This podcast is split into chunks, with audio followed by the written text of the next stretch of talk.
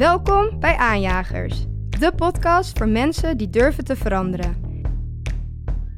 Iedere aflevering hebben Nick Botter en Patrick Willer van Salesforce een echte aanjager te gast. Wat drijft hen om te innoveren? Hoe til je jezelf en je organisatie naar een hoger niveau? In deze podcast vertellen we je hoe je aan de slag kunt om een aanjager te worden. Bij uh, het businessmodel zelf, als je aan het eind van het jaar je cijfers bij elkaar zet, dan denk je: wacht even, omdat we altijd heel veel mensen nodig hadden bij die sessies, doe ik niet zo heel veel werk in januari, februari, ook niet in juli, augustus en niet in december. Ik denk ik heb gewoon eigenlijk een strandtent. Dat is eigenlijk heel moeilijk geld verdienen. In deze aflevering spreken we met Patrick van der Pijl, die sinds jonge leeftijd al een aanjager is en nu bedrijven helpt met het ontwikkelen van nieuwe businessmodellen. Hey Nick. Hey Patrick. Ja, Patrick, Patrick Willer ja, bedoel Patrick ik bedoel je? We hebben er twee zitten hier. Ja, dat klopt.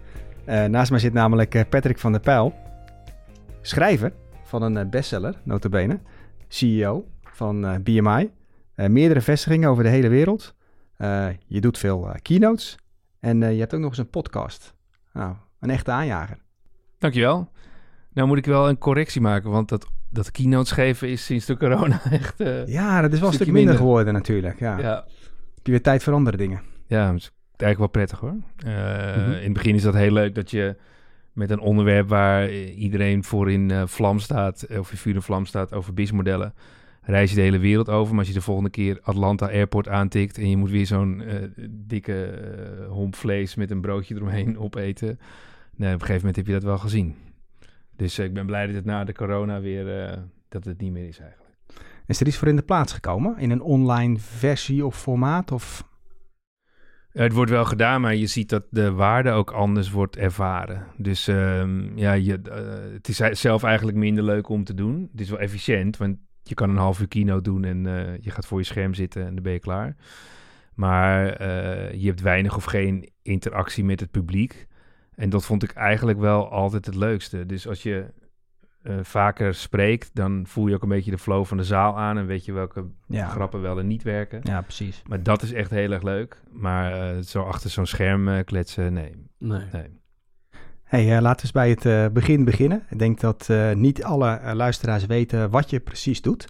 we weten dat jij jaren geleden een boek hebt geschreven, Business Model Generation. Dat is een hit geworden. Heb je een heel bedrijf opgebouwd? Vertel eens, hoe, hoe, hoe start zoiets? Ja, dit is eigenlijk wel een interessante uh, vraag. Want als je daar uh, op dat moment naar kijkt, dan uh, zie je heel iets anders dan dat je dat nu terugkijkt.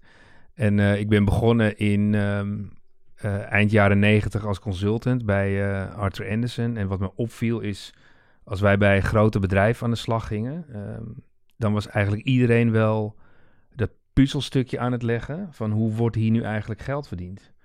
En de enige manier waarom dat te doen was dan zeg maar die uh, procesflows in elkaar gaan zetten. Mm. Dus uh, nou, input, output en dan allemaal achter elkaar zetten. Maar ik dacht, ja, dat is eigenlijk niet genoeg, want het volgt niet de financiële stromen. Dus je weet eigenlijk niet of het volledig is. En toen ben ik bezig geweest met financial cycles. Dus je hebt bijvoorbeeld een expenditure cycle. Nou, dat geeft aan hoe je geld het bedrijf uitstroomt als kosten. En um, dat hebben we eigenlijk geprobeerd om bij de consultants destijds, waar ik werkte, gemeengoed te maken, zodat je niet iedere keer het wiel opnieuw hoeft uit te vinden. Dus dat, dat was eigenlijk wat ik me achteraf pas realiseerde. Alleen um, op het moment dat um, ik op zoek was naar een, ja, een businessplan te schrijven voor een nieuw product. Ik werkte toen bij een kleine studio, dat heette Uluru. En dan hadden we een nieuw concept. En toen dacht oh ja, dan moet ik dat plan gaan schrijven. En ik weet nog heel goed, ik ging dat tegen Roel Pieper uh, aanhouden. En uh, nou, Roel kwam met zijn chauffeur uh, voorbij rijden met zo'n BMW 7-serie voor de deur. Die had ook gewoon weinig tijd. En die zegt, ik hoef niet zo'n plan niet te lezen. Leg mij eens uit wat het businessmodel was. Ik dacht, dus toen ben ik gaan zoeken um, om te definiëren wat dat is en of ik daar iets meer mee kon. Toen kwam ik Alex Osterwalder tegen. Ja op het web. hij, hij, is de bedenker hè, van het uh, business model Canvas. Ja, dus hij uh, had de opdracht gekregen van zijn uh, professor Yves Pigneur om een echte systeemdenker om na te denken van hé, hey, er wordt veel over businessmodellen gesproken, maar wat is dat nou? Dus in zijn thesis heeft hij dat bij elkaar gezet. En ja, ik kwam hem tegen in 2008 online en toen had hij een, een hele lullige kleine blog dus als je nu kijkt, ziet het er niet uit, maar dat was toen gewoon wel effectief. En hij besprak daar het BIS-model Canvas en hoe je dat kon duiden. Dus toen dacht ik, hé, hey, daar wil ik wel meer over weten. Ik dacht, weet je wat, ik nodig hem uit naar Amsterdam te komen. En dan laat ik uh, mensen daarvoor betalen, zodat ik zelf ook mee kan doen, maar dat ik weet hoe dat werkt. Dus hij had geen zin. Dus ik dacht, nou, dat komt slecht uit. Ik heb toch op Eventbrite zo'n uitnodiging gemaakt. Er waren 40 mensen, die betaalden allemaal 800 euro en Alex kwam. En na afloop van die uh, workshop zei ik tegen Alex van... hé, wat is nou jouw droom? En toen zegt ja, ik wil gewoon een boek uitgeven. En toen dacht ik na over mijn periode bij Arthur Anderson. Toen zei die partner destijds, ja Patrick, waar jij goed in bent, is van niets iets maken. Dus ik zei tegen Alex, ik ga dat boek wel maken. En uh, toen ben ik naar uh, uh, Zwitserland toegegaan. Toen heb ik zijn professor ontmoet. En toen zijn we eigenlijk daarmee begonnen. Nul ervaring, geen idee hoe je dat moet doen. maar we dachten, dat gaan we gewoon doen. Ja. En wat, en wat was, wanneer het voor jou klikte, dat je dacht, hier, hier wil ik wat mee? Het moment dat je dacht, ik ga deze gast uitnodigen en daarna van ik ga hier echt wat mee doen. Ja, dus je, je bent wel zeg maar in de, als je in die consulting business ziet, dan ben je wel op zoek naar methodes om hmm, dingen beter te kunnen begrijpen. En uiteindelijk toen ik zijn gereedschap zag, toen dacht ik van hé, hey, dit is eigenlijk waar ik al die jaren naar op zoek ben. Want dit is zo'n canvas, negen bouwstenen. Oh, ik snap ineens het Skype business model. Terwijl daarvoor ben je echt aan het zoeken. Hoe verdienen die nou geld? Want je gebruikt het gratis. Hey, maar iedereen moet, iemand moet dan het bonnetje oppakken. Dus in mijn zoektocht, toen ik dat zag, dacht ik, hé, hey, hier zit echt heel veel waarde in. Um, dus dat was wel voor mij direct een klik. Uh, en toen dacht ik, als ik daar nou een uh, consultingpraktijk omheen kan bouwen, uh, dan is dat een andere route dan wat bijvoorbeeld de bestaande consultingbedrijven doen. Dus waar ik mij, zeg maar, als je het hebt over een pijn, ik zag wel mm. dat er een pijn was dat ik dacht, hé, hey, ik, wil, ik wilde altijd partner worden bij Arthur Anderson. Nou, die hielden na het Enron-schandaal op te bestaan. En op een gegeven moment merkte ik wel dat ja, eigenlijk was het mij, voor mij meer uh, te doen om mijn eigen ding te kunnen doen. Alleen dat hele uurtje maal tariefmodel stond me heel erg tegen, want uh, dat ziet niet op eigen klantresultaten te halen. En toen ik dat canvas zag, dacht ik, oh wacht even, maar als je dit gereedschap gaat gebruiken, gaat iedereen jou begrijpen. Maar je kunt er ook een methode omheen zetten, uh, dat je eigenlijk strategie en innovatie op een heel andere manier kunt doen.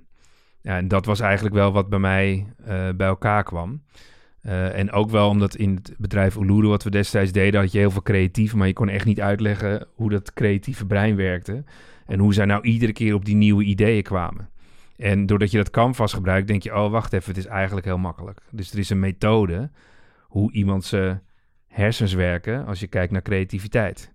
Dus als je die bouwstenen beetpakt, dan heb je bijvoorbeeld één richting om te kijken vanuit resources. Dus denk je, oh ja, als jij nou, ik kom uit een uitvaartfamilie en als je nou kijkt naar uh, de kernvaardigheden van uitvaarten, dat is gewoon uh, feestjes organiseren. Dus het duren vijf dagen, iedereen heeft zwarte kleding aan, dat is een bepaalde vaardigheid.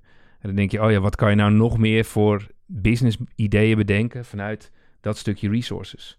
Ja, dus uiteindelijk kwamen heel veel dingen voor mij bij elkaar. Dan dacht ik, oké, het is allemaal echt veel makkelijker om ehm, ja, op een andere manier business te kunnen doen. en daar heb je gewoon een ander gereedschap voor nodig. Dat ongeveer. je hebt het over andere. dat ongeveer. Je hebt het over andere waarden. Hè? Dus, je, dus met BMI heb je dan ook. Werkt dat anders dan, een, dan de normale consultancypraktijk? Wat is het verschil met normale consultancy als je. Ja, dus, dus wat ik. Um, zeg maar, als ik weer terugga naar 2008, toen ben ik die samenwerking gaan opzoeken. En in 2009, weet ik nog heel goed, gingen we met uh, Alex op reis naar Londen. Want uh, Alex zegt, ik heb een uh, designer gevonden. Dus ik dacht, nou, dat is iemand die kan dan mooie tekeningen maken in het boek. Mm -hmm. En we zaten daar in een hotel en Alex vond het hotel veel te duur, maar ik dacht, het moet wel goed. dus Ellen kwam binnen met een hele lange baard en een snor. En uh, zeiden, ja, vind jij het leuk om dat boek mee te werken? Zeg, ja, ik heb wat meegenomen.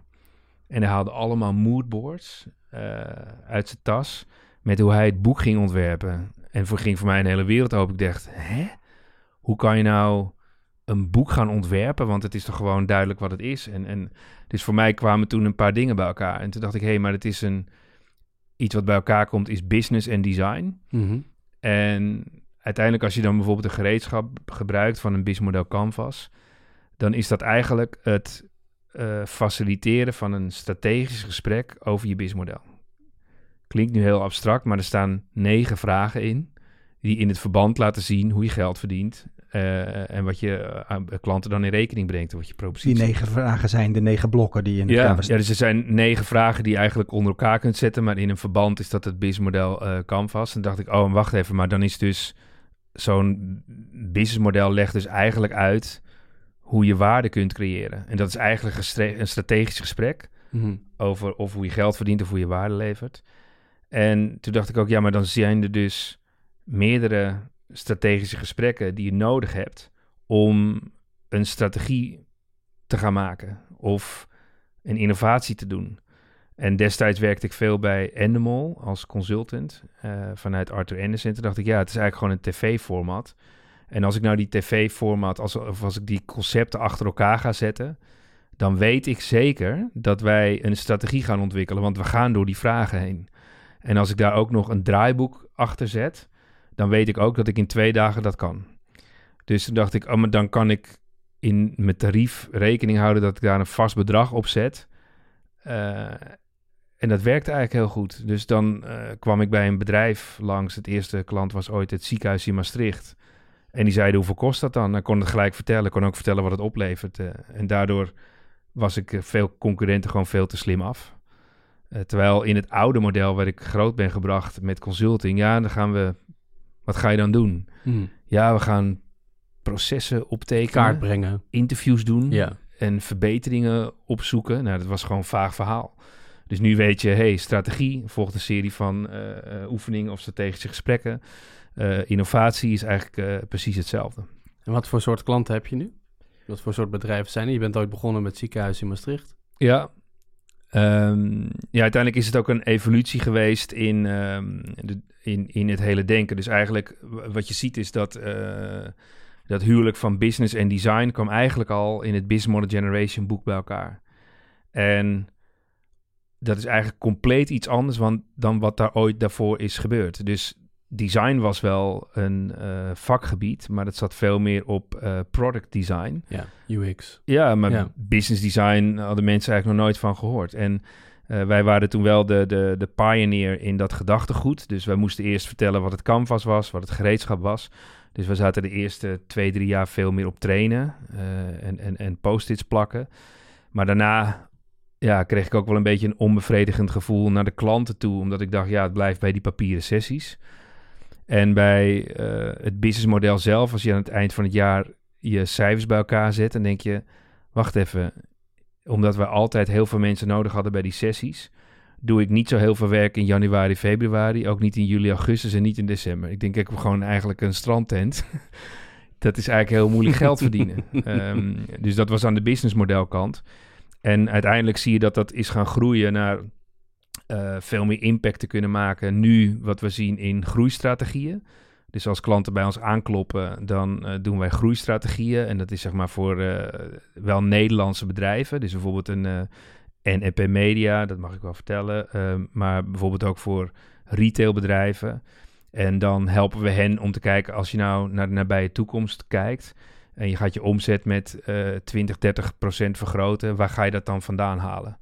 En dan wilden we eigenlijk verder dan een businessplan. Dus wat, wat in het verleden zo was, als je zo'n businessplan maakt, kost heel veel tijd en energie. Maar uiteindelijk eh, is niemand daarmee geholpen, want niemand gaat dat lezen. Eh, en Steve Blank zei ook wel altijd van, nou, het eerste, er is geen enkel businessplan overleeft het eerste klantcontact. Ehm, dus we hebben dat bijvoorbeeld destijds bij ING gedaan, bij ING Bank, toen eh, Ralf Hamers aan boord kwam. Ja, en daar hebben we de hele Think Forward strategie ontworpen. En dat is helemaal geen plan geworden. Dat zijn principes. eh, dat kan je op één pagina uitleggen. Is dat dan ook de einddeliverable? Ja, ja. En, en, en eh, dus dat is zeg maar het hele strategiestuk. Eh, en een einddeliverable. Kijk, wat, wat je daar realiseert is dat iedereen binnen de organisatie moet diezelfde strategische gesprekken voeren. Dus het is niet een plan wat je maakt en iedereen moet het lezen. Je zegt ook eindelijk van, hé, hey, wie zijn nou eigenlijk onze belangrijkste concurrenten? Wat is nou eigenlijk punt op de horizon? Oh, hoe maken we dat nou concreet? Eh, wat zijn de vijf stappen die we zetten om daar te komen? Dus dat is eigenlijk het, het, het groeistrategie-stuk. Meestal Nederlandse eh, middelgrote bedrijven. En als je kijkt naar innovatie, doen we dat met eh, internationale innovatieteams. Dus We doen dat bijvoorbeeld voor Mars Chocolate in, in de US, eh, maar ook voor teams van IKEA in, in Zweden, maar die zitten eigenlijk wel overal. Eh, maar ook bedrijven als eh, Lego. Eh, daar kunnen we eigenlijk dan de ideeën beetpakken en versnellen. Maar er is nu ook wel een derde eh, iets wat ontstaat en dat is eigenlijk meer venturing business Mm. omdat eh, die technologie gaat zo ontzettend hard dat bedrijven eigenlijk geen tijd en capaciteit hebben om een project op te pakken, maar eigenlijk gewoon voor de uitkomsten willen betalen. Dus die zeggen, nou, zet dat bedrijf maar neer, dan eh, zien we graag dat jullie de resultaten mee helpen ontwikkelen. Dan ga je dus meer met de executie ervan bemoeien. Is dat, moet ik het zo zien? Of? Ja, maar ook veel sneller. Eh, ik, ik denk dat, kijk, als je kijkt naar kijk, dat, dat, dat gedachtegoed hè, van dat eh, business en design, dat heeft heel erg mee te maken dat het verschil tussen zekerheid en onzekerheid. En eigenlijk leven we al heel lang in schijnzekerheid, omdat we denken dat alles heel erg zeker is. Nou, als ik de eh 40 jaar terugneem naar mijn familiebedrijf van mijn vader, eh, een uitvaartcentrum. Nou, op basis van de CBS-cijfers kun je bijna je netto winst voorspellen, Hmm. of de sterf, sterftecijfers. Was heel stabiel en eh, nou, weinig of niet in beweging. Maar omdat internet voorbij kwam, zie je dat er eh, eh, markten eh, zijn gaan openen. ehm, en dan bleef je toch wel vasthouden aan schijnzekerheden. Namelijk, oh, we hebben een jaarverslag. Oh, daar staat het allemaal in. Of, oh, we hebben een meeting en dan kunnen we ook zien wat dat betekent. Oh, we zien de concurrenten wel, maar we denken nog steeds dat we zelf het beste presteren. En eigenlijk is het een hele wereld van onzekerheid geworden omdat die zekerheid eigenlijk niet bestaat. Dus het feit dat je een businessplan beetpakt, denk je dat je de juiste koers te pakken hebt, maar dat is helemaal niet waar. Dus wat wij met dat business en design hebben gezien, is dat business zit heel erg aan managers, hoe je bent opgeleid en het runnen van de business. Maar designer, dat is eigenlijk iemand die die onzekerheid opzoekt, want daar vind je nieuwe oplossingen eh, voor dingen die je niet weet. En dat is juist heel erg tof, want dan ga je dingen ontdekken en dat is nieuw. En wat we dan geprobeerd hebben, is dat business en design bij elkaar te steken. Ehm, maar dan zie je dus dat veel bedrijven eh, moeite hebben met die onzekerheid te Mm. omarmen. Nou, dan kom Ja. ik weer helemaal terug bij het punt wat ik wil maken. Is als wij bijvoorbeeld voor een ehm, bedrijf een, eh, een online functie willen inrichten, dan is dat iets wat dat bedrijf nog nooit eerder heeft gedaan. Dat vinden ze moeilijk om te begrijpen wat dat kost, eh, wat er voor nodig is. En ineens moeten zij verstand hebben van software selectie, van eh, eh, waar het op een infrastructuur staat, hoe het met de beveiliging zit. Nou, als dat bedrijf dan niet in de Randstad zit, heb je ook een uitdaging om die mensen aan je bedrijf te kunnen binden. Dus ja, zo heb ik jullie natuurlijk ook wel eens vaker met Salesforce gevonden. Dat zijn voor bedrijven echt grote, ingewikkelde trajecten. En dan komt het echt neer op, heb je dan, ja, heb je dan aanjagers te pakken, mensen die echt durven en die lef hebben? Ja. Of eh, zit je met de mensen die dat niet durven? Ja, en die gaan gewoon niet zo'n traject aan. Dus, dus dat betekent dan dat wij daar wel in kunnen stappen en zeggen, nou, laat ons het bedrijf maar opzetten. Want het feit dat bijvoorbeeld zo'n bezorgfunctie of een online functie is gevalideerd, nou, dat, eh, dat is duidelijk. Het een, enige wat je moet proberen te vinden met elkaar is, hey, wat is het specifieke dingetje waar wij eh, goed in zijn? om uiteindelijk ook eh, ja, die business te kunnen draaien en te kunnen verzilveren. Kan je iets vertellen over hoe daarvan? Want ik vind het echt enorm interessant hoe je vertelt van we zijn gestart met trainingen, post-its plakken, weet je, dat was eigenlijk oké, business model Canvas. Hoe pas jij dat toe als bedrijf? Tot nu help je eigenlijk vol een executie mee om dat dan ook dat voor elkaar te krijgen. Dat betekent ook voor, voor jouzelf waarschijnlijk, maar ook voor de mensen die bij jou werken, dat ze ook andere dingen moeten doen en opeens ook daar verstand van moeten hebben. Of niet? Want dat is een aanname die ik neem, maar... Nu, nu raak je een teer onderwerp. nee, het is echt heel... Dat, dat, dat, nee, maar ik heb nooit gerealiseerd Het klinkt dat dat als zo een soort moeilijk van de unicorns, right? Die dit eh, die moeten doen. Dus Ja, dus ik, ik, ik denk dat ehm, ehm, als ik zeg maar terugkijk waar we begonnen waren... en, en, en dan zag ik eigenlijk dat die eh, templates... Ja. Dus zeg maar een template voor je omgeving, eh, analyse... een template voor een BIS-model, een template voor een visie... Hmm. Dat geeft je eigenlijk de zekerheid dat als je die onderwerpen beetpakt... dat je die gesprekken gaat hebben en dat je daaruit komt. Ja. Dus eigenlijk achteraf gezien zag ik dat het een, een methode was om eh, capaciteit in ons bedrijf te bouwen, eh, Ja. om dat te kunnen. Met een bepaalde zekerheid ook. Hetzelfde als Ja. de uitvaartbusiness. Je weet gewoon, zoveel bedrijven hebben allemaal die vragen. We kunnen gewoon al die workshops doen. Ja, ja. Ja. En, en, ehm, en, en de workshops, ehm, dat was op een gegeven moment ook wel eh, een beetje ja, voor onszelf eindig. Want dan denk je, ja, ga iedere keer met die post-its plakken. Ja, en ik denk, ik, ben iedere ja. keer afhankelijk van die mensen die in mijn workshop zitten. Terwijl wij kunnen het slimmer, beter, sneller. Maar durf je dan ook de stap te zetten dat je andere opdrachten gaat aannemen? En eh, toen wij zagen wat voor succes dat betekende, dus bijvoorbeeld, ik weet nog heel goed bij uh, orthopedie uh, in het ziekenhuis in Maastricht, die konden nooit met dermatologie praten. En we hebben toen die sessies met die afdeling gedaan. En op een gegeven moment zegt orthopedie, wacht eens even, omdat wij met zeg maar de gebroken botten en de EHBO altijd op de eerste hulp zitten en dus heel veel ruimte en tijd nodig hebben bij uh, de operatiekamer, zijn wij dus heel gestructureerd en werken we heel planmatig. Die dermatoloog-idioten, die huppelen in het rond, houden zich nooit aan afspraken. Maar ja, 1% van al hun klanten komt ooit in de operatie, op, op de operatietafel terecht. En voor hen, dat ze dat hadden uitgezocht en gezien, nou, dat was voor hen iets, nou, dit is tof. En, en uh, ook de rest van de collega's kon het allemaal snappen. En toen dachten wij van, ja, dan wil je eigenlijk een stapje dieper en verder ontwikkelen. Alleen dan moet je ook een stap zetten om uiteindelijk meer geld te vragen voor die sessies. Dus destijds vroegen wij voor een, uh, een dag een workshop draaien en inhoudelijk het helemaal voor te bereiden en te doen, ik geloof, uh, 6000 euro. Nou, dat is nu uh, een veelvoud daarvan. maar ook omdat je dan zoekt van waar zit nou eigenlijk de waarde in? Zit het Mhm. waarde in het eh, voeren van het leuke gesprek tijdens Mhm. die dag? Of zit de waarde in alle neuzen dezelfde kant op? Of zit de waarde in nog meer patiënten te kunnen helpen? Nou, en uiteindelijk is dat een, een pad geweest om het steeds verder je oren open te houden, je ogen open te houden van hé, hey, dat is waar klanten naar vragen. Dus ik denk dat de eerste grote verschuiving kwam in eh, niet alleen op papier uitwerken, eh, maar ook uiteindelijk valideren, dus testen of het iets is. En uiteindelijk daarna kwam de grote verschuiving dat je uh, uiteindelijk ook mee wilt kijken van hey, kunnen we ook businessresultaten realiseren?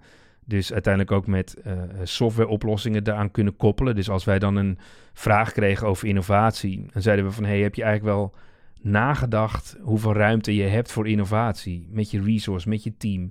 Heb je dat als doelstelling gezet over twee jaar? Want dan is er ook een business case te maken. Ja, en dat verruimde alweer het gesprek. Uh, en dan konden we daar binnen weer kwaliteit ontwikkelen. En dan namen we andere mensen aan en dachten we ineens... oh, dit is ook te gek. Uh, we kunnen nog veel meer helpen. Maar ik denk maar dat... Hoe als... hou je, maar hoe hou je die ontwikkeling in de gaten? Want het klinkt allemaal een soort van... ja. ja, wat is de longtail van je engagement? Wat voor soort momenten heb je allemaal met die klanten nog... om weer ja, die aanjagers continu die innovatie door te blijven laten voeren binnen hun organisatie? Wat, hoe help je ze? Ja, er zijn twee dingen. Want ik realiseer me dat ik uh, niks vraag niet echt goed beantwoord heb. Maar daar kom ik zo op terug. Hmm. Mm. Um, en het ging over, ja, hoe zorg je dan dat, dat mensen die kwaliteiten snappen ja. en, en dat je dat ja. verder kunt ontwikkelen. Um, maar wat jij zegt is inderdaad heel relevant. Dus wat wij merkten is dat uh, um, als we puur businessmodel innovatie doen en we doen strategie, dan denken mensen, nou, strategie misschien één keer in het jaar, innovatie misschien één keer in de twee jaar. Denk, Precies. ja, ja, staat dan daar heb je één keer helemaal aan en dan... Ja, dus dan was ik van die strandtent business af en dan zat ik er gewoon nog in de ijsjes. Ja. Want uh, ja. was nog steeds een uh, lastig model. En, en toen dachten we van ja, maar hoe kan je dan zorgen dat je het hele jaar rond een propositie kunt maken? En toen merkte ik ook wel dat in de manier van werken, uh, dat klanten dat bij ons prettig vonden. Dus uh, een hoge snelheid, uh, recht door zee, uh, zeg maar steeds de shortcuts of de, de kortere routes vinden. En ehm, dat was één belangrijk onderdeel. Maar het andere was ook wel in groeistrategie. Dus als je zegt, hé, hey, we hebben nu die strategie te pakken, we houden jullie hand vast. En we gaan de komende jaren helpen om die initiatieven tot wasdom te laten komen. Dat was wel iets waardoor we een propositie hadden die het hele jaar door gedraaid kan worden. Maar wanneer draag je die regie dan over aan dat bedrijf? Wanneer pakken andere mensen dat stokje over en is dat DNA aangepast om op een nieuw businessmodel te gaan hanteren of op een andere manier te gaan werken of innovatiever bezig te zijn? Op een gegeven moment stopt die engagement een beetje. Wanneer, hoe, hoe maak je die transmissie? Ja, dus um, kijk, bij een, een, een groeistrategie is er wel een soort uh, natuurlijk moment dat je stopt. Uh, dus als wij een strategie neerzetten en er is dan een offsite geweest en er zijn nog wat aanvullende sessies, ook met managementteams en met andere teams. Op een gegeven moment zeg je nou, dit is wat het is en dan een, een, een, een jaarplan. Uh, en dan bedoel ik dan zeg maar een plan met uh, stappen die je zet om daar te komen. Um, zeg maar een uitgewerkte visie, dan wel visueel. Um, dat is uiteindelijk wel een moment dat je zegt van oké, dan stopt het nu hier. En dan, uh, dat zou een moment zijn waar wij het overdragen. Um, alleen wat je wel ziet is, dat we vaker met bedrijven langer bezig zijn om die eh, visie uit te werken. Want eh, we pakken dan een, uh, een potlood en we gaan dan schetsen. En dan proberen we die, dat, dat beeld te verduidelijken in 2030. En dat helpt wel heel erg om weer nieuwe dingen te ontdekken en te zien. En daar leggen we dan de businessmodellen over. Dus hey, is het businessmodel van nu nog bestendig voor 2030? Nou, op een gegeven moment, als je dat dan helemaal afgerond hebt, zeg je: Oké, we, we, hebben nu dat beeld. En voor het komende jaar ligt er een, een, een groeistrategie. En daar liggen dan projecten onder. Uh, en dat is dan weer een nieuw moment dat je zegt: hey, willen wij een van die projecten beetpakken om voor jullie de groei te realiseren? En dan weten ze ook dat wij uh, het team de hand vast kunnen houden en dat we dus sneller gaan. Uh, we hebben bijvoorbeeld vorig jaar een project gedaan bij Mars Chocolate in de US. En normaal gesproken zou zo'n nieuw product, en het ging hier over plant-based ingredients, dus um, nou, gezondere ingrediënten. Hmm. En dat duurde normaal gesproken drie, drie jaar om dat op de markt te krijgen. Dat hebben we in negen maanden gedaan. Uh, maar het is puur om dingen gewoon wel echt te durven. Uh, en ook wel steeds vanuit andere perspectieven te blijven kijken. Dus bijvoorbeeld, wat bedoel ik, bedoel ik met durf? Als je nu kijkt naar de markt, dan zie je dat het plant-based is eigenlijk gewoon gemeengoed. Mm, Alleen ja. het team was nog heel erg bezig. Nou, dit is wel een, uh, een vrouw die op een yogamatje zit en dat is het klantsegment. En dachten we, nee, dat, is, dat perspectief klopt niet. Dus het is mainstream. En het andere wat ze zeiden is... Um, maar hoe reageer je dan op? Want ze, het lijkt wel of ze, elkaar, of ze zichzelf vooral ook in de weg zitten dan. Ja, dat is een hele goede vraag. Wij hebben dat gedaan en opgelost door Kees Kruithof van Live Kindly met hen in gesprek te laten gaan. Dus Kees Kruithof was de gedoodverfde opvolger van Polman bij Unilever. Is dat niet geworden, is zijn eigen bedrijf gaan starten. Dat heet Live Kindly, heeft in één jaar 530 miljoen opgehaald. En eigenlijk wat hij doet is het uh, schalen en financieren van de schaling van die bedrijven. Dus hij zei ook dat plant-based is gewoon hot, dat het is here to stay. En, en kijk maar naar al die bewijzen. En dat haalden wij al op uit mm. andere BIS-modellen. Ja. Wij hebben hem uh, aan tafel daar gezet.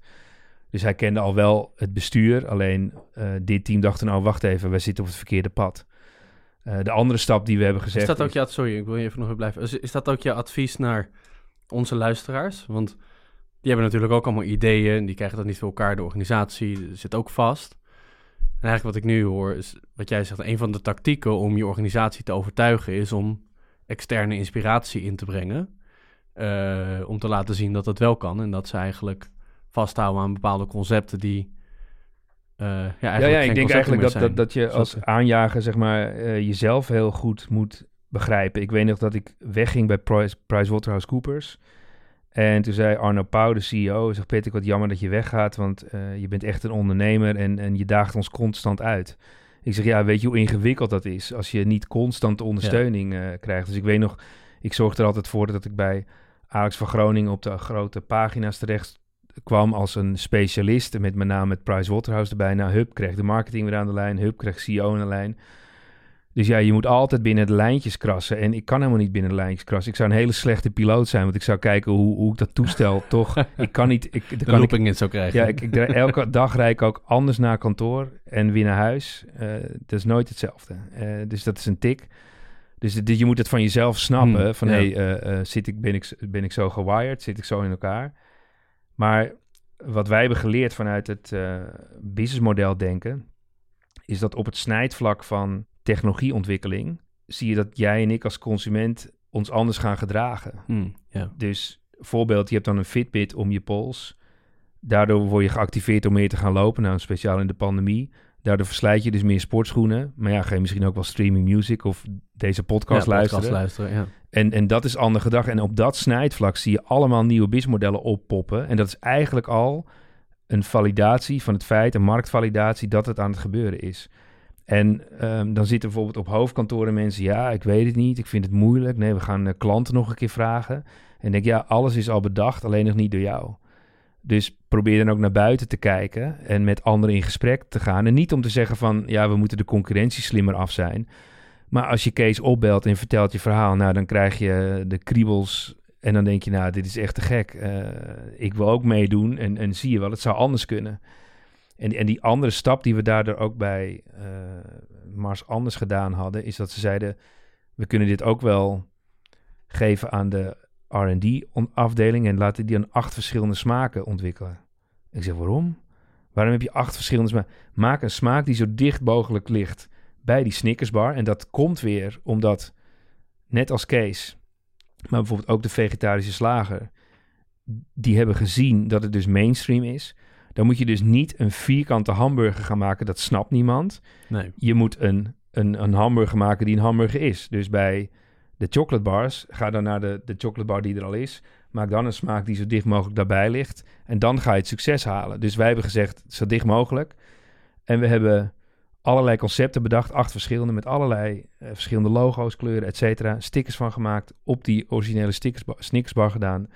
Naar tankstations hier eh, geweest, de hele dag blijven zitten, kijken wie dat koopt, bij de WeWork.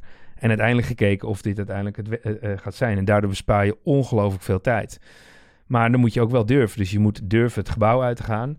Ja, en wij, waren bij het pompstation. En, en ik weet nog heel goed, chef Maasen, die zei... hier ga je die gezonde bars niet verkopen. Ik zeg, hoezo dan? Hij zegt, nou, let maar op. Dus nou, ons team had daar twee dagen gezeten. Wie komen daar? Stucadoors, aannemers, eh, Mm. bouwvakkers. Ja. Wat bestellen Broodjebal. ze?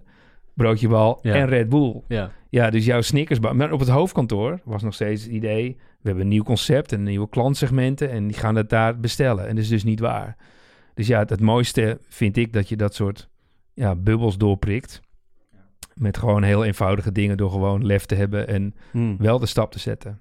Je geeft eigenlijk een hele belangrijke tip. Hè? Mensen moeten durven om iets te doen. Ze zitten gewoon heel vaak vastgeroest in een bepaalde DNA van de organisatie. Hoe mensen zich moeten gedragen. En als je dan van extern komt, jij bent helemaal vrij om te vertellen. En met nieuwe initiatieven te komen en wat lef eh, te tonen. Jij hebt me ook wel eens verteld dat jij soms eh, sportcoaches wel eens naar binnen haalt binnen een organisatie. Om meer te kijken naar wat is nou de psychologische veiligheid binnen organisatie. Zodat mensen meer open en vrijelijk ja, lef kunnen tonen om nieuwe dingen te doen. Kan je daar wat meer over vertellen? Ja, dus als je kijkt naar de ehm, eh, performance van ehm, innovatieteams... maar bijvoorbeeld ook als je dat soort initiatieven beet wil pakken... en, en eh, voort wil brengen... Ja, dan moet je eigenlijk als team eh, veel beter op elkaar ingespeeld zijn. Ja. En eh, wij eh, halen wel eens het voorbeeld aan, ja, dan wil je de Champions League voetballen. Maar dat betekent dat je wel daar een aantal voorwaarden moet doen. Je moet heel duidelijk een beeld hebben waar je die Champions League wil voetballen. Je moet ook heel duidelijk weten eh, wat de teamopstelling is. En eh, wat ik zeg maar in de loop der jaren wel merkte, is dat als het op, eh, op scoren aankwam eh, en je spreekt mensen er echt op aan, vonden mensen dat echt wel ingewikkeld. Dus zeiden ze, hey, eh, ehm, je wordt kwaad of hey, je spreekt dingen uit die je anders normaal zegt of hey, ik voel me er helemaal niet prettig bij. En toen zei ik, ja, als wij zo'n wedstrijd eh, spelen, wil ik gewoon winnen. Eh, en ik weet dat je niet binnen lijntjes mag eh, kleuren, dus dat gaan we juist niet doen. En, en we gaan zeg maar een andere route kiezen. En eh, toen ik ehm, eh, Joost Leenders eh, ontmoette, ehm, toen zei hij, ja, Wie is Joost Leenders? Ik wilde het Ja. even vragen. Moet je ja, Joost is zeg maar van Tech Performance en die coacht, Mhm. bijvo- coacht bijvoorbeeld Ajax, maar ook eh, de Jumbo, eh, Jumbo-Visma ploeg. En hij zei van als je nou kijkt naar... En tech performance is data-analyses, dat soort dingen. Wat is... Nee, nee de- de- eh, dat kan. Alleen zeg maar, eh, zij kijken naar gedrag. eh, als jij als team en als individu onder druk staat. Hmm. En welk gedrag laat je dan zien? En ehm, door dat duidelijker te hebben, weet je dus ook als het echt spannend begint te worden, of jij in je uppie gaat rennen en, en, en gaat scoren, of dat jij in teamverband nog steeds goed kan opereren. En wat je dan merkte is dat, wat houdt dan mensen tegen om uiteindelijk beter te kunnen presteren? En een van die zaken was bijvoorbeeld eh, het voeren van het niet gevoerde gesprek. Dacht ik, oh, oké, dat weet ik ook nog wel vanuit eh, mijn eigen familie. We hebben thuis nooit ergens over gepraat. Maar ook binnen je team is als je dat soort Hmm. eh, zaken weg kunt nemen, dan is er dus veel makkelijker eh, stroom van energie. En nu klinkt het een beetje zweverig, maar als ik weer... Nee, vind ik helemaal niet. Ik Ja, vind het heel mooi omschreven eigenlijk. Het voeren van dat niet gevoerde gesprek. Dat ontbreekt bij heel veel organisaties. ja, En zeker nu in deze tijd, dat we allemaal een beetje aan een eh, scherm gekluisterd zijn, ontbreekt Ja. het dubbel. Des te moeilijker. Het Des is- te moeilijker om ja. dat te doen. Ja, want kijk, als je dat terugbrengt naar ehm, eh, business en design. Toen ik bij ons de eerste echte designer aannam, uh, Niek, ehm dat vonden mensen heel lastig, want die dachten, ja, maar die is niet als wij. Ja. Eh, die denkt anders en eh, ja, die ziet er ook anders uit. En, en, en gaat het wel op die manier werken? Dan ga je al in een transformatie. Je neemt je eerste stap en de, de rest van de organisatie zegt meteen van... oh, dat is raar, dat is eng, dat is... Ja, Ja, en, en, eh, en, en dat was zeg maar in het begin. En wat ik het mooiste vond, Niek zei... ik wil heel graag later innovatiemanager worden bij IKEA. Waar is hij afgelopen jaar heen gegaan? Eh, Hmm. Dat is via ons gebeurd. Dat vond ik, vond ik super trots eh, dat wij dat met, met, voor hem eh, hebben kunnen doen. Ehm, maar wat je daar ziet is dat, dat die designers die denken en werken dus anders. En we waren laatst met een ehm, investeringsmaatschappij bezig. En het ging over een, eh, een, fintech startup. En daar waren we een concurrentieanalyse aan doen. En een collega van mij die begeleidde dat. En die zegt, ja, we hebben hier zo'n grote matrix. Leggen we allemaal criteria vast. En we pakken al die concurrenten. En elke sessie dat we weer verder gingen om de dag, kwamen er weer meer kolommen bij. Die investeerders werden helemaal gek. Die zeiden, nog meer kolommen. Wanneer houdt het een keer op? Wanneer is nou het En, en Quintus die zei, nou, dit is fantastisch, want oh, weer kolommen erbij. Oh, we gaan nog nieuwe dingen ontdekken. Dus, dus daar zit echt het omarmen van die onzekerheid, vinden mensen ongelooflijk moeilijk. Zelfs ook in ons eigen team. En dan zie je dus dat je moet kunnen vertrouwen op dingen als hey, het voeren van het niet gevoerde gesprek. Want dat betekent dus dat jij moet gaan zeggen dat je dus niet veilig voelt of comfortabel met een mogelijke uitkomst wel of niet. Mhm. In zo'n heel proces. En, en, en als ik dus. Hoe faciliteer jij dat binnen je eigen bedrijf? Dat is even, dus binnen je eigen bedrijf gebeurt dit ook al. Ja, Hoe creëer je die omgeving dat mensen het niet gevoerde gesprek kunnen voeren? Hoe stimuleer je dat? Nou, dat één is, ehm, kijk, de, de, de, er is een methode voor. Dus zeg maar, kijk, je kunt naar die, eh, naar die gedragingen kijken en, en eh, dan eh, kan je met elkaar een werksessie doen. En het team van Joost, die begeleidt het heel tof. Dus dan, dan gooit hij de situatie in en maakt die teamopstellingen hoe jij dan op gaat reageren. Omdat dat op basis van jouw gedrag Hmm. gebeurt en is een feest van herkenning. Dus voor mijzelf was het toen ik de, ik, ik ben heel lang alleen de eigenaar van het bedrijf. En ik kreeg de mensen ook niet 1, 2, 3 mee. Dus ehm, ik dacht, ja, ik weet niet hoe ik dat zelf moet gaan organiseren. En ik ben maar eh, lonely eh, eh, at de top. En ehm, eh, eh, Joost en het team zeiden toen ook van... ja, maar als we kijken naar hoe je jezelf gedraagt in het team... dan denk je, oh, het duurt me te lang, ik ga het zelf oplossen. Waardoor je nooit die collectieve intelligentie krijgt. En mensen durfden nooit met mij het gesprek aan te gaan van... nou, ik vind dit niet oké wat je gedaan hebt. Of Patrick, je hebt altijd van die gekke ideeën. Laat ons nu een keer met rust. Dus er is ook een foto van mij dat ik in mijn pand zit. eh, en dat is heel toevallig gemaakt. Dan zit ik voor me uit te staren. Toen had mijn team tegen mij gezegd... Patrick, we zijn helemaal klaar met al die nieuwe ideeën. Het geeft zoveel onrust. En toen dacht ik, oké, daar heb je iets in op te lossen. Maar zij durfden het ook uit te spreken. Wat ik wel interessant vind aan, aan alles, gewoon puur reflectie, maar wat ik, als ik je zo zie praten, ehm, het lijkt alsof je heel veel zelf, het is meer een vraag over hoe je zelf werkt, of je heel veel reflecteert constant en dingen aan het bekijken bent en dan, want het, je, je, je maakt zo'n verschrikkelijke journey ook met je bedrijf, wat ik net zei van workshops met post-it sessies tot deze complete ventures. Hoe werkt dat? Als jij, als je in een situatie zit, reflecteer je dan? Heb je dan een business model canvas voor je hoofd waar je het al zit in te vullen? Nee, maar ik kwam er gewoon af, want je zit de hele tijd, de hele tijd komen de voorbeelden voorbij met ik ben een ij, ijskoolman, een strand, strandtent. Eh, hoe, hoe pak jij dat soort dingen aan? Ja, ik denk dat als, als ik nadenk eh, eh, vanuit het verleden, dan ben ik eigenlijk altijd wel bezig geweest om na te denken: oké, dit kan beter, slimmer, makkelijker, leuker. En daar heb ik wel. Heb je dat maar- altijd gehad vanaf de start? Ja, als ik erover nadenk wel. Ja. Dus ik deed vroeger een kran- kranten- krantenwerk met mijn broer. Die konden we echt in, in 18 minuten lopen. Het waren 320 kranten, hadden we hele optimale... Nou, toen ik 18 was, eh, deden we vijf jaar lang Sinterklaas. Nou, daar, daar draaiden, we, echt flinke business mee. Eh, postzegels kocht ik op en die verkocht Hmm. ik weer door. En, ehm, maar daarnaast waren we ook bezig om te kijken van... Hey, hoe kan je bedrijven dan beter snappen? En, Ja. en, eh, dus ik, eh, dat is eigenlijk wel altijd een rode draad geweest. Alleen wat ik me wel realiseerde is in dit, in dit gedachtegoed, dat was helemaal nieuw. Dus wat wij in 2010 met Bismos Inc. begonnen, ja, dat business en design, dat was eigenlijk non-existing. Dus toen moest je wel echt heel veel dingen uitvinden. En ja, je wordt, ik denk dan nog steeds wel, kijk, eh, reflecteren is soms, vind ik dat lastig, want ik wil ook niet altijd me door mensen af laten leiden. Dus ik wil ook wel vaak met een gestrekt been erin eh, en weinig concessies doen. En ik weet nog heel goed, Ja, misschien is analyserend beter dan ja, reflecterend. Ja, ja want ik, ik, ik werkte toen een tijdje samen met een eh brandstratege uit eh, New York. En die heette de Hitman. Mhm. Echt fantastisch. Ik kreeg ook al ons werk op een USB-stick mee. Dat was een kogel, maar die ging natuurlijk niet door de New York eh, Customs mee naar Amsterdam. maar die, die, eh, die hitman zei ook steeds van... ja, maar je moet een stap verder kijken bij de bedrijven... en kijken van, hé, hey, waar denken zij dat ze de aansluiting missen? En kun jij daar dan in blijven helpen? En eh, dus dat was één belangrijk gegeven. Dus eh, dat hielp ons ook om niet meer naar die horizon te kijken van... nee, het businessmodel Canvas is tof. Nee, het gaat over die uitkomsten die, Mm. die, die je daar laat zien. Ehm, maar het andere stuk is, kijk, door die technologie... Kijk, alles blijft in beweging. Dus het feit dat wij die post-its aan het plakken waren... en denk, ja, hoeveel jaar kan je dat nog doen... dat mensen bereid zijn daarvoor te betalen? Want anders gaan anderen gaan ook daarin snel ontwikkelen. Maar je hebt dus wel een groepje van mensen om je heen waar je advies aan vraagt of waarbij je zelf... Nee, waar ik wel dingen tegen aanhoud. Ik, Ja. heb, ik heb niet dat ik daar advies over vraag. Eh, want wat, kijk, wat ik wel zie is dat ik de dingen die wij doen, eh, dat doen heel weinig andere bedrijven. Eh, en dan is het altijd moeilijk om advies te vragen. En zelfs, kijk, we zijn ook een professional services firm, dus uiteindelijk doen we wel urenmaaltarief en doen we vaste bedragen. Maar zelfs om zo'n bedrijf goed te kunnen runnen, ehm, zijn er maar weinig mensen die dat echt begrijpen.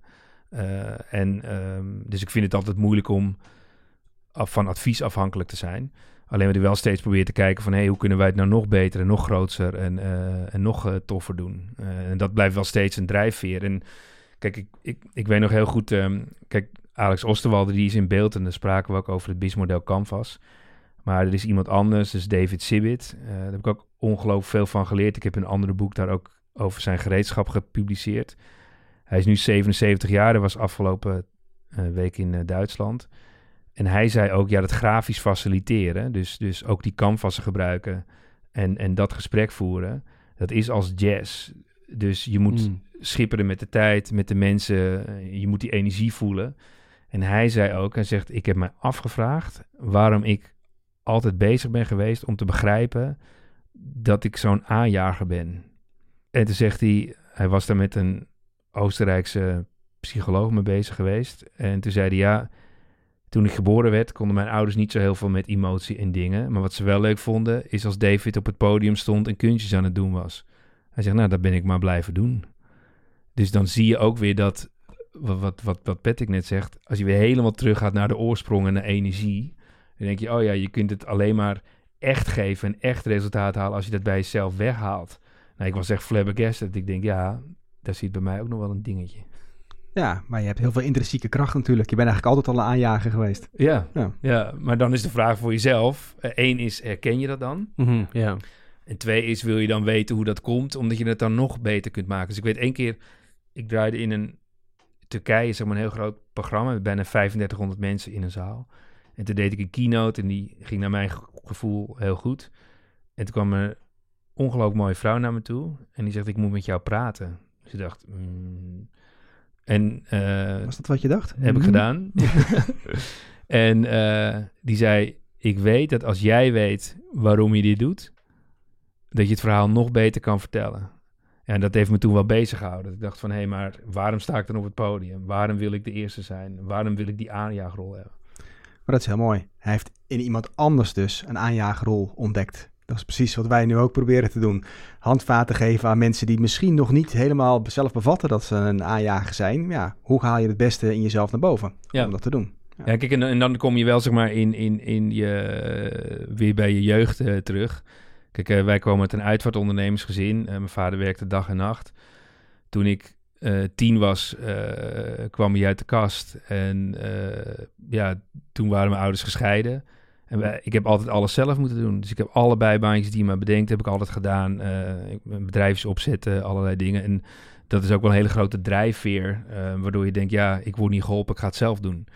Eh, dus je ziet ook wel bij, als je kijkt naar de grotere leiders van aanjagers, eh, Mhm. die hebben wel echt zoiets gemeen. Ja, die zijn bijna allemaal wel een keer in het diepe gegooid. Ja, En dan moet je er zelf uitworstelen en daar leer je veel van. ja. Ja. Wat voor advies zou je andere aanjagers, als we nu toch zo over dat onderwerp hebben, wat voor advies zou jij meegeven? Nou, ik zou, kijk, één, ik denk dat het goed te begrijpen is dat je, als je aanjager bent, ik denk dat dat een groot goed is als je dat zelf ontdekt en weet. En dat je dan voor jezelf de beslissing kunt maken om dingen nog weg te nemen om nog beter daarin te worden. In plaats van dat je een route gaat volgen om anderen te overtuigen. En, en dat zie ik ook wel dat die aanjagers vastlopen. Want ehm, ik sprak laatst iemand die bij een bedrijf zei... ja, ik ga dit niet meer doen, want ik ga mijn uppie dat bedrijf niet omkrijgen. Mhm. Ik ga heel ergens anders werken. En, en wat je wel heel vaak ziet, is dat ook in... nou ja, in, natuurlijk weten jullie ook met uh, systeemimplementatietrajecten... dan wil je de hele goede gemeente overtuigen. Ja. Alleen is nou precies wat je niet moet doen. Nou, Patrick, uh, vind ik een mooi einde van het, uh, van het gesprek. Uh, mooi advies naar alle, naar alle aanjagers toe. Ik wil je heel erg bedanken voor, voor het gesprek. In de volgende aflevering is Aletta Kok onze gast. Zij is de aanjager van verandering binnen de jaarbeurs Utrecht. Ga voor meer verhalen van aanjagers naar salesforce.com/aanjagers.